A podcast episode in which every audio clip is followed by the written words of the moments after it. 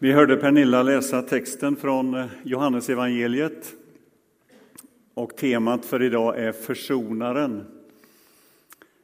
Och vi riktar allt mer blicken mot påsken och korset, Jesu död och uppståndelse.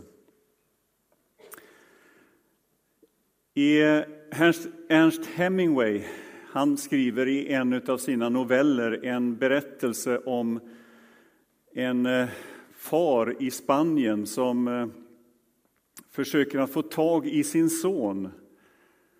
Och de har skilts åt på grund av en konflikt. Och han gör allt för att finna honom, lyckas inte. Och så kommer han på idén att han ska sätta in en annons i en av Madrids större tidningar. Och han sätter in en annons och på den skriver han Paco, möt mig vid hotell Montana klockan 12 på tisdag. Allt är förlåtet. Kärlek från din far.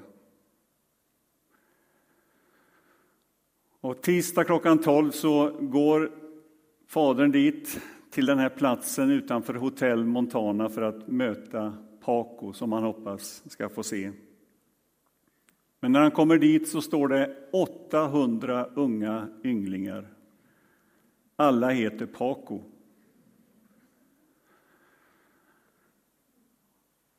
Försoning är ett huvudord i Bibeln. Och liksom Paco så finns det väldigt många som längtar efter försoning. Det är ett vackert ord, försoning. Sug på det, ta in det. Försoning. Och då handlar det inte bara om att försonas kanske över en konflikt, utan det handlar om att komma tillbaka till en helt ny situation.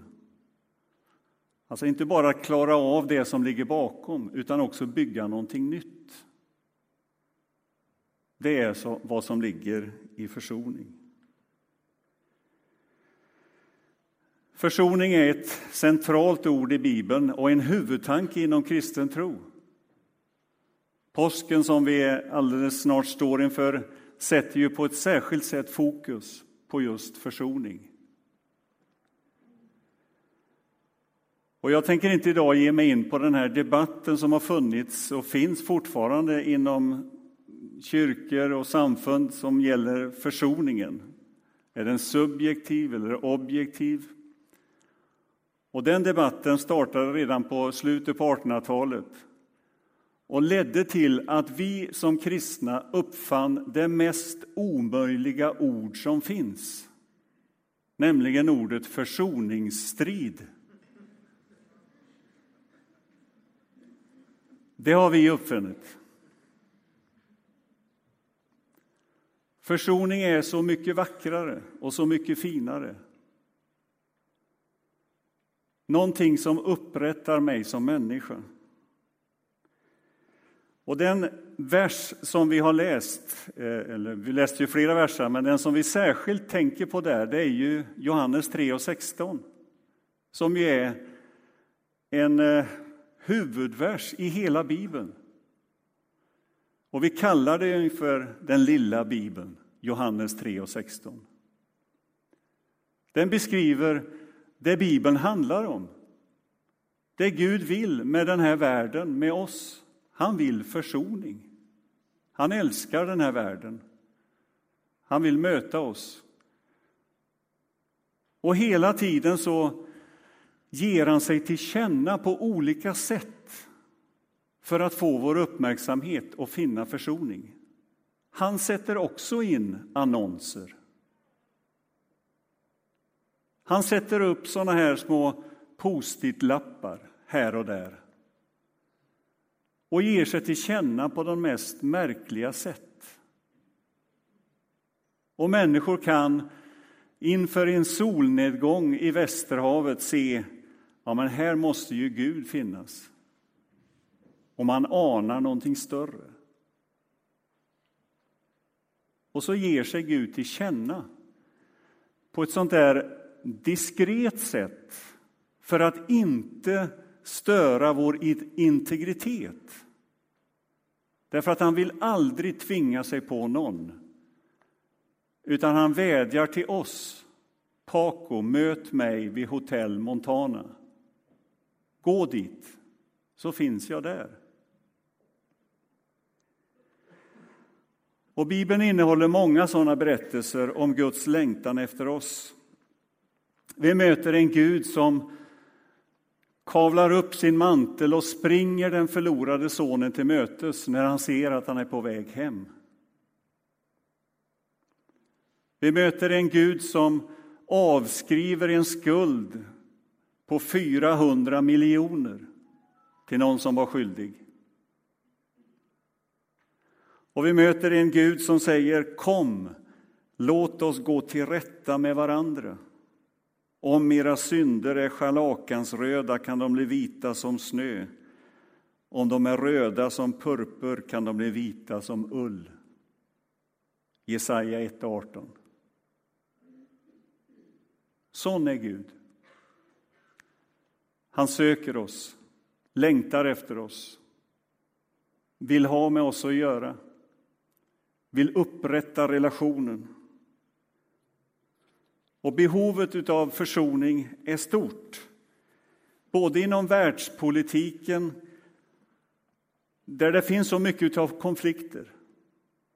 Så mycket av den onda spiralen som aldrig vill ta slut. Våldsspiralen. Och på det personliga planet, där vi finns i relationer med andra. Där vi har så lätt för att såra varandra, för att skapa konflikter.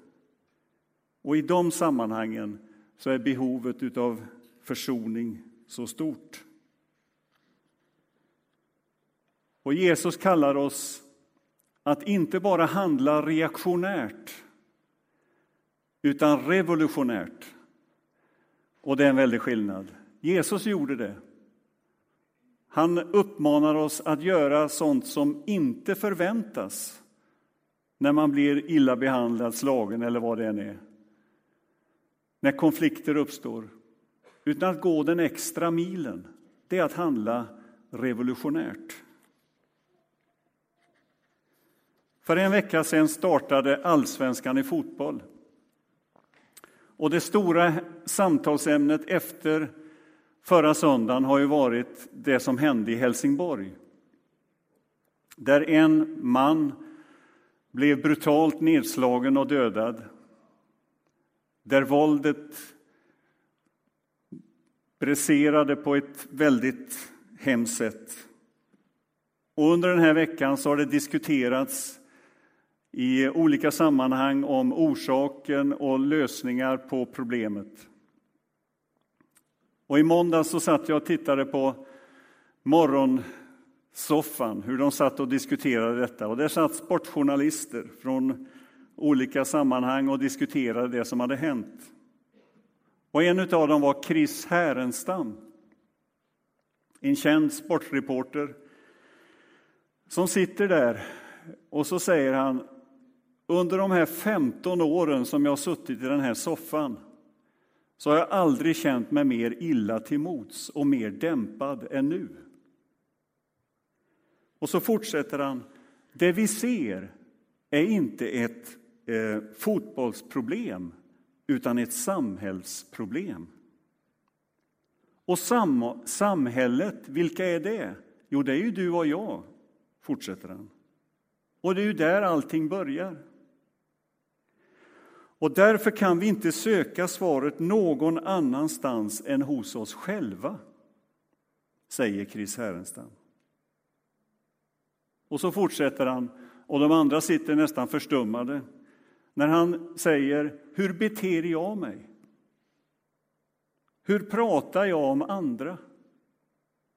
All kyla och hat som finns i samhället, var kommer det ifrån? Det är dags att gå till sig själv. Jag går till mig själv och du går till dig själv. Och så fortsätter han. Varför slutar jag berömma mina barn när de har fyllt sju år? Varför fortsätter jag inte med det? Varför alla dessa utslagningsprogram där alltid en ska bort? Och så beskriver han på sitt sätt en situation som vi alla känner igen men där vi oftast hänvisar till andra faktorer än oss själva och våra egna liv. Och att samhället är någonting annat än vi själva, där vi finns. Och han sätter på något sätt fingret på det som vi inte alltid har lätt att ta in i våra liv, att det är i våra hjärtan allting börjar. Försoning utgår ifrån våra hjärtan. Om vi ska stoppa våldsspiralen, få ett slut på öga för öga-modellen och förresten, den leder ju bara till att alla så småningom blir blinda. Det måste börja i våra hjärtan. Naturligtvis handlar det också om reformer, strukturer, om lagar. Men du och jag är samhället. Och så säger Jesus, jag har kommit för att kalla syndare. Och så länge vi förnekar behovet av försoning så blir helandet omöjligt. Chris Härenstam erkänner att han är en syndare, även om han inte använder det begreppet. Men han lägger sig väldigt, väldigt nära försoningen. Det måste ske något i mitt liv. Det är det han säger. Och till människans storhet hör ju förmågan att kunna känna skuld. Och det ska vi inte döva. Nu är jag fullt medveten om att det finns falsk skuld och sann skuld. Och den sanna skulden är ju den som bottnar i mig själv. Inte vad andra har överfört till mig och lagt på mig. Jesus talar om mörker och ljus i den här texten. Ljuset avslöjar sanningen om våra liv och mörkret står för förnekandet av sig själv eller om mig själv. Vi har ett ansvar och en makt över oss själva. Att säga ja, säga nej, Den här texten står ju i ett sammanhang när Nikodemus söker upp Jesus. En rådsherre och en farisé som kommer till Jesus om natten av någon anledning. Och när han kommer till Jesus så har han egentligen inte en fråga med sig. Utan Jesus leder honom in i samtalet. Och ganska snart så kommer samtalet in på behovet av att få ett nytt hjärta, ett nytt liv. Och Jesus talar om du måste bli född på nytt, Nikodemus. Du måste få ett nytt liv. Du kan inte själv i egen kraft förbättra dig och din position. Det är bara Gud som kan göra det. Och så talar Jesus om nödvändigheten av att få ett nytt hjärta att komma in i Guds rike, att få ett nytt manus för sitt liv. Därför att vi har alla ett manus. Frågan är bara vilket. Vad är det som styr vårt sätt att tänka? Vad är det som styr mitt sätt att agera, att tala om andra? Vi har ett manus. Guds rikes manus är vi kallade att leva i. Och det är ett fantastiskt manus. Det är svårt. Och vi klarar inte i egen kraft. Och det är det Jesus lägger fram för Nikodemus. Att få detta in i sitt liv. Inte på grund av ansträngningar eller en tio veckors kurs i att få introduktion i det, utan genom vatten och ande, som ju är ett sätt att beskriva Jesu död, Jesu uppståndelse och Andens kraft och Andens liv i mitt liv. Att det är en gåva, att det inte är en prestation. Och så tar Jesus en berättelse från Gamla testamentet som bara refereras till här, i det här sammanhanget. Och den handlar om när Israels folk var på vandring genom öknen.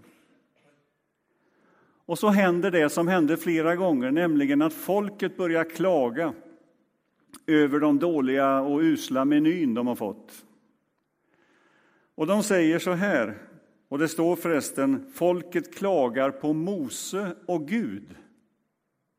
För de uppfattade, de var i någon slags symbios de två. Och så kommer de till Mose och Gud och klagar. Varför har ni fört oss hit? Här finns inget att äta, inget att dricka. Vi är less på den usla maten. Vi kommer att dö här i öknen, säger folket till Mose och Gud. Och då står det, då skickade Herren ormar in i lägret. Och de blir bitna, flera utav dem. Och några till och med dog. Och då kommer folket till Mose igen och ber om förlåtelse. Vi tog nog i lite för mycket.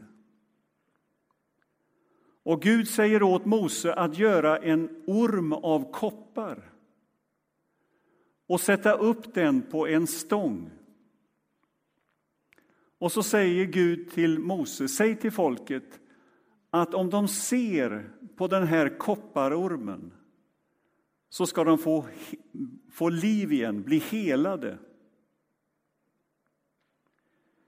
Var och en som blivit biten av ormar men som ser på kopparormen ska få leva.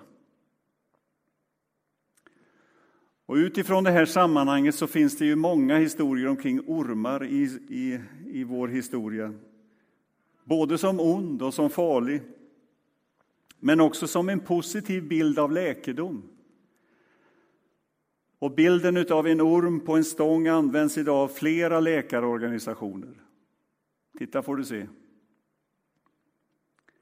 Och så säger Jesus, på samma sätt måste Människosonen upphöjas.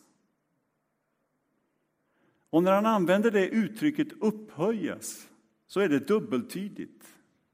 Därför att han menar både att, att hängas upp men också att förhärligas. Alltså, det sker någonting genom Jesu död som är att han verkligen hängs upp och dödas, men det är någonting mer. Och så ställs vi inför ett mysterium. Men vad som man kan fråga när man hör den här berättelsen och att Jesus refererar till just den här berättelsen är ju vad är poängen med detta? Hur kan något som är ont bli gott? Det var ju ormen som var själva problemet. Och hur kan den sen bli lösningen på problemet? Och här ställs vi inför korsets mysterium, inför det som är vår det som vi har blicken på de här dagarna. Och det enda svar vi kan finna är ju att Anledningen till korset det är att den ondska som finns i världen och som fanns i världen och som på något sätt finns djupt förankrad i oss som människor. På något sätt fick det chansen att rikta hela sin kraft mot Jesus. Och när vi ser Jesus uppspikad på korset så ser vi också, vi ser både detta med att all den ondska som vi alla är fångade av finns där. Han har identifierat sig med vår utsatthet, med vår ångest, med vår skuld.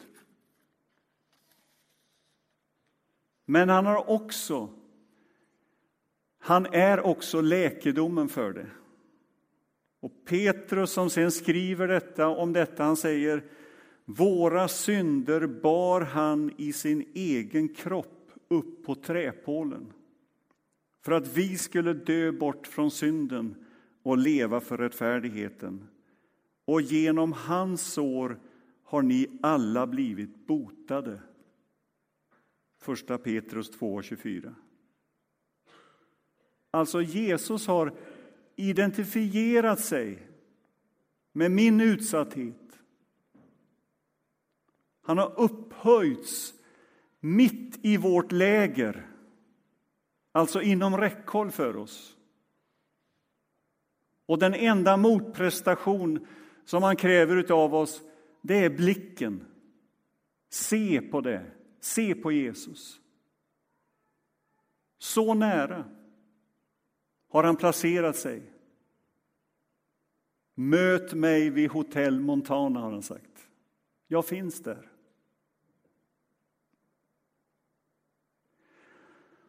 Och så har han gjort försoning möjlig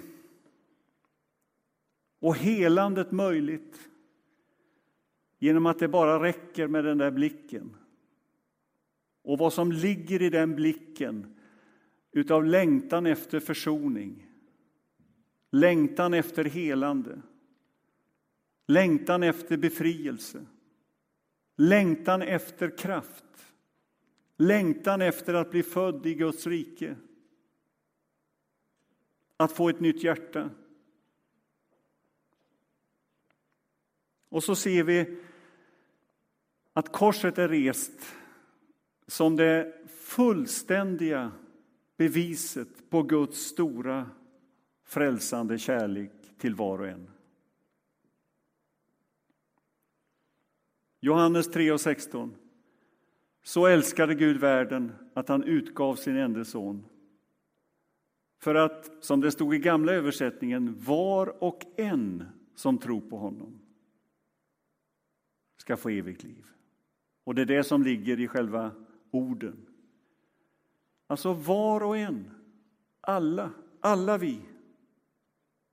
Alla vi som representerar samhället. Alla vi som finns i den här världen med alla relationer, med allt det vi står i, i allt det vi möter. Det finns en mötesplats i Jesus Kristus. Snart ska vi än en gång få dela nattvarden. Ta med dig några saker in i det utifrån det vi har berört idag. För det första, inse behovet av försoning, precis som Chris Härenstam gav uttryck för. Det handlar om mig, mitt liv. För det andra, ta emot den största utav alla gåvor, nåden. Gåvan, Jesus Kristus. Fadern som har placerat sig på torget, som vill möta mig där. Som Paco längtade efter. För det tredje, fortsätt att leva i denna Guds ständiga kärlek över våra liv och över alla människor. Så älskade Gud världen. Ställ dig där, i den strömmen, i den kärleken. Och för det fjärde, ge den kärleken vidare till en värld som längtar efter försoning. Det måste börja här, hos mig. Och så får vi bära ut försoningen till vår värld, var vi än finns. Att var med om att sätta stopp för våldsspiralen. För den där trenden som aldrig tar slut. Och agera revolutionärt och inte reaktionärt. Och i den strömmen, i den uppgiften, i det uppdraget ställer han oss, både som enskilda och som församling och som kyrka, var vi än finns. Låt oss be. Tack Gud att vi får ta emot kärleken från dig och ge den vidare ut i vår värld. Amen.